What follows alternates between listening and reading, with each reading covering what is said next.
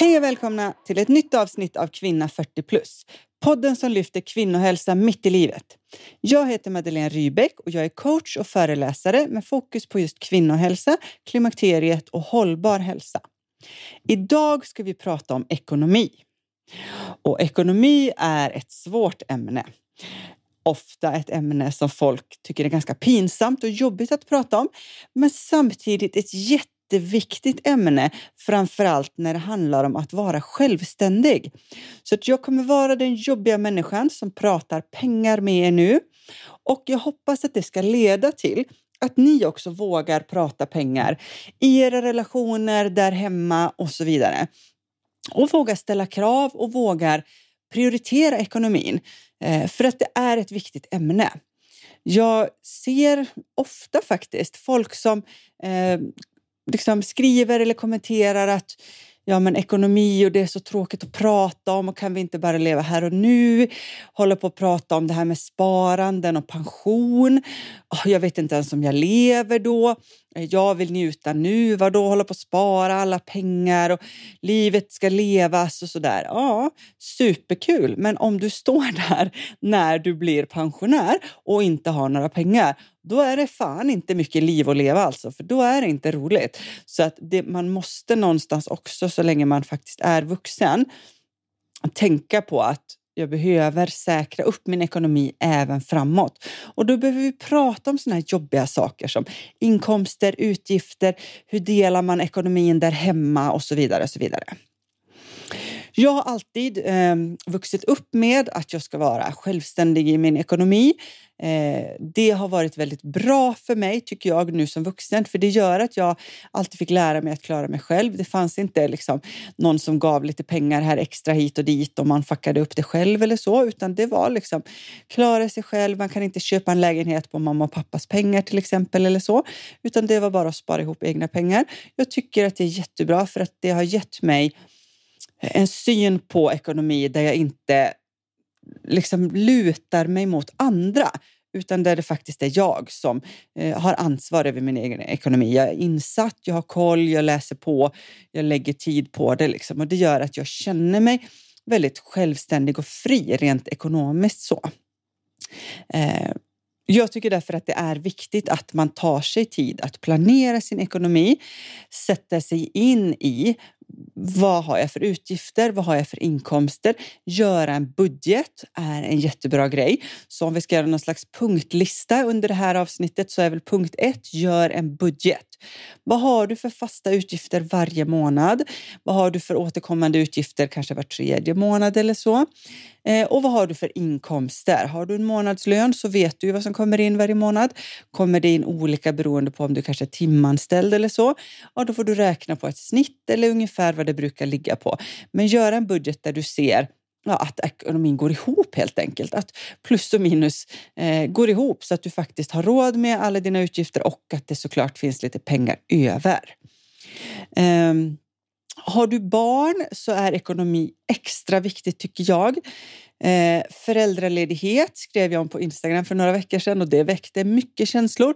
Men jag ser inte att vi eh, liksom vuxna människor är tillräckligt kapabla för att själva fatta beslut kring vår ekonomi när det gäller föräldraledighet. För att det är ju så många kvinnor som tar hela föräldraledigheten och sen också blir fattigpensionärer som gamla. Och det är klart att det inte bara beror på att man har varit föräldraledig men har du två eller tre barn och har varit ledig två år med varje, det är många år och du hamnar efter på arbetsmarknaden, vilket gör att du kanske inte får det där chefsjobbet eller får den där befordran som du hade kunnat få annars, vilket ju i slutändan då gör att inkomsten blir lägre under många år och såklart att pensionen blir lägre. Så att det hänger ihop någonstans. Eh, så att titta över föräldraledighet och även vab om du har barn så att du inte är den personen som tar ut den mesta ledigheten med barnen och därmed hamnar efter på arbetsmarknaden. För att det kan, självklart är det viktigt att vara med barnen under de där åren när de är små, givetvis. Men du ska också kunna försörja dem under ja, i alla fall 18, kanske 20 år av deras liv innan de har en ekonomi för att kunna försörja sig själva så att säga. Så att man får inte tänka så kortsiktigt så att man bara tänker att det är mysigt att sitta hemma och gossa med barnen i två år. Ja, det är jättemysigt, men det är lika mysigt för barnen om den andra partnern gör det halva tiden och du inte liksom hamnar efter så att säga. Så att barnen behöver ju också båda föräldrarna. Vilket också var något som många påpekade när jag la ut den här texten på Instagram. Att det handlar inte bara om ekonomin utan det handlar om att barnen har rätt till båda sina föräldrar och att få en bra anknytning till båda. Så att finns det två föräldrar med i bilden så vill jag absolut uppmuntra av många orsaker till att försöka dela på detta så mycket det går. Och är det så att den ena partnern tjänar mycket, mycket mer, ja, men då får man försöka kompensera på något sätt då mellan, liksom. Eh, så att man kanske sätter in för den andras pension om man ser att ja, men det är omöjligt att han till exempel, om det är ett heterosexuellt par, eh, kan vara hemma föräldraledig. Ja, men hon måste göra det ja, då behöver han kompensera för hennes, det hon förlorade i pension. Idag finns det också arbetsplatser som faktiskt gör det. Alltså att om han jobbar hon är hemma så kompenserar hans arbetsplats till henne. Vilket ju är fantastiskt, för då går det framåt i utvecklingen. Men ha med det här som en del i det, att du behöver planera föräldraledighet och vab så att det blir rättvist. Så det kanske är punkt två då på listan. Rättvis uppdelning av ledighet med barnen vid sjukdom och föräldraledighet. Eh, sen så vill jag absolut uppmuntra till att ha ett eget individuellt sparande. Hur man gör med ekonomin, om man har gemensam ekonomi eller separat eller delvis gemensam, det är ju väldigt olika. Men oavsett hur ni gör så skulle jag vilja uppmuntra till att båda parter har varsitt separat sparande. Alltså ett fuck-off-kapital helt enkelt. Så att om någonting skiter sig så ska du kunna klara av att lämna en relation som du inte vill vara i längre och inte behöva stanna för att du inte har råd. För att det här ser jag så ofta och jag coachar ju hundratals kvinnor och har gjort nu i många år. Jag är väl uppe i ja, 17 år eller vad det nu kan bli. Eh, det har varit många tusen kvinnor under de här åren kan jag säga. Och det är så vanligt att man inte har råd att skilja sig. Eh, att man går i flera år och säger att jag är så trött på det här, jag orkar inte mer, eh, jag tål inte se det här kräket, jag kräks på hela relationen, jag vill så mycket mer men jag måste hålla ut i några år till för att ekonomiskt har jag inte råd med något eget boende. Man kanske bor i en storstad eller sådär Eh, eller man behöver, det kan vara tvärtom också, att man bor ute på landet. Man behöver ha en bil och pendla och det kostar väldigt mycket pengar. Så man har inte råd att lämna. Och det är så otroligt sorgligt tycker jag. Så att se till att inte sätta dig i den situationen att du någonsin behöver stanna i en relation för att du inte har råd att lämna. Så att det ska finnas ett fuck off-kapital som gör att du kan gå när du vill. Och det behöver inte vara såklart att det handlar om våld eller sådana saker, utan det kan helt enkelt vara Alltså man vet aldrig vad som händer. Plötsligt så går man varandra på nerverna eller den ena träffar någon annan eller det ena med det andra som gör att det, man bara känner att nej, nu har jag fått nog. Och att då behöva stanna i en relation där man inte trivs Nej, men det är hemskt. Liksom. Så det ska vi bara absolut inte utsätta oss för. Så att om du inte har det redan så sätter du igång med det från och med den här månaden. Att ha ett eget sparande där du sätter undan pengar som är din försäkring om att du kan lämna när du vill och att du alltid kommer vara självständig. Så punkt nummer tre, fuck off kapital. Bra, vi går vidare. Nästa tanke, punkt nummer fyra. Det som jag också upplever det är att många inte är så insatta i ekonomin. Alltså kanske att den andra partnern har varit ansvarig för att betala räkningar, boka olika typer av grejer, eh, sätta pengar till sparandekontot och matkontot och det ena med det andra, eh, bestämma vilket elavtal man ska ha, kolla upp olika Eh, telefonabonnemang och tv-grejer, eh, eh, vad man nu har olika abonnemang där och Netflix och det ena med det andra. Eh, så att när du inte har kunskapen så kan du inte heller fatta eh, väl avvägda beslut. Så här behöver du också faktiskt sätta dig in i och ta tid till att förstå er ekonomi. Hur ser det ut? Om ni är två personer där hemma, se till att ni båda har koll på vad era pengar går till. Vad kostar saker och ting? Hur mycket pengar lägger vi på mat varje månad? Och är du själv, så sätt dig in i hur kan jag spara mina pengar på bästa sätt? Hur kan jag förvalta det jag har? Eh, var kan jag liksom få mest ränta på mitt sparande? Hur funkar det här med aktier och fonder? Eh, du kan både boka ett möte med din bank och be dem att förklara och visa vad du har för sparandemöjligheter. Men det går också att läsa på väldigt mycket själv eh, om olika typer av ja, eh, sparanden och vad det innebär för risker, eh, vad det innebär för för och nackdelar och så vidare. Um, så vill jag också tipsa om en Facebookgrupp som jag själv har gått med i ganska nyligt som heter Ekonomista. Privatekonomi och aktier för kvinnor.